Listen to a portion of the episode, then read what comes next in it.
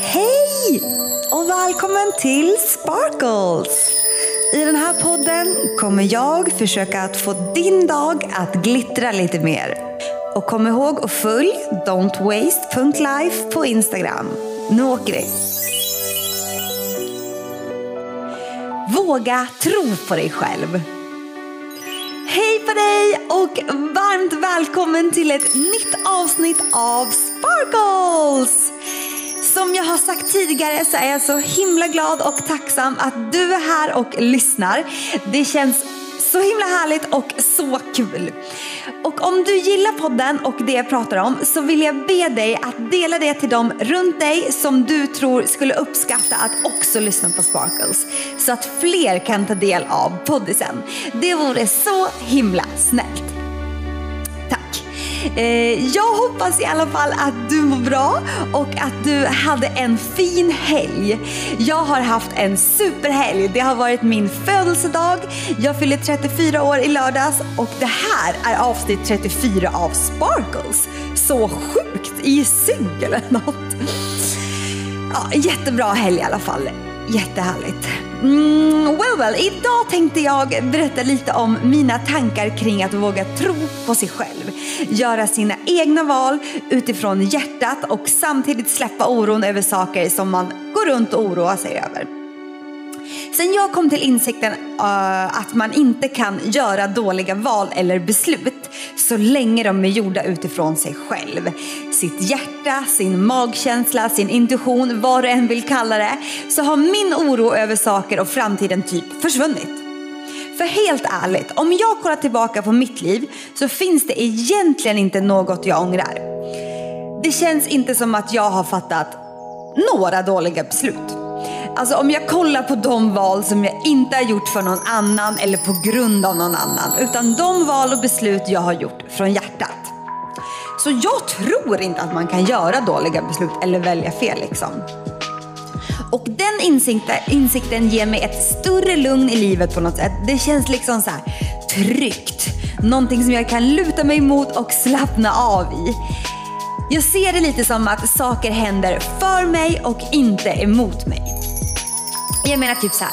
Min kille jag hade innan G var ett riktigt svin. Inte alls snäll eller bra på något sätt. Så man skulle ju kunna kolla tillbaka och tänka att det var ju verkligen ett dåligt beslut att bli ihop och fortsätta vara ihop med honom. Men hade jag inte träffat den idioten så hade jag kanske aldrig förstått eller kommit fram till vad, det, vad jag ville ha i en partner. Eller hur viktigt det är att veta att man förtjänar bara det bästa och man förtjänar att må bra. Så efter mitt ex har jag inte tummat på de kriterierna på något sätt. Jag skulle vilja säga, att mitt lilla G har jag under många år efter mitt dåliga ex manifesterat in i mitt liv. Han är exakt den människan som jag har fantiserat och drömt om. Som jag vill dela hela mitt liv med.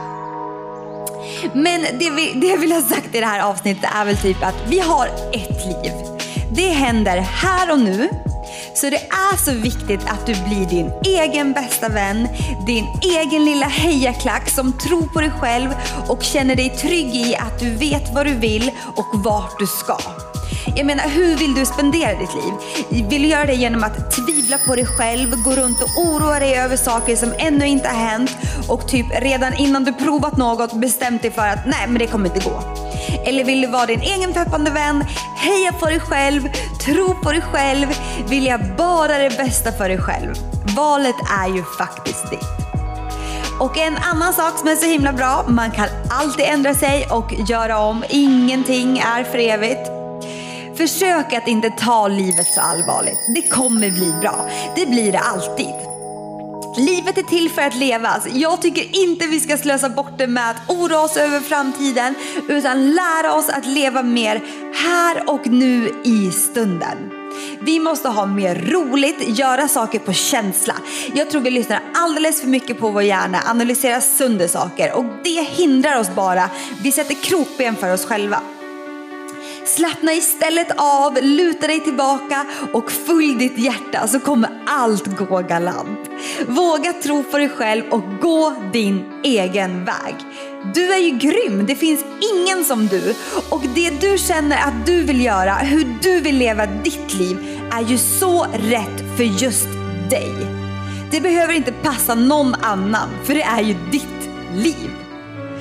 Den här veckan tycker jag att vi börjar bygga på vår egen hejaklack, börjar peppa oss själva med att göra val från hjärtat så att det känns bra i magen. Det är aldrig egoistiskt att tänka på sig själv eller ta hand om sig själv. För sig själv är det viktigaste vi har, herregud. Det var det jag ville säga. Hoppas du får en fin vecka nu. Och du, you're a star, don't forget to shine. Den här podden produceras av Westridge Audio.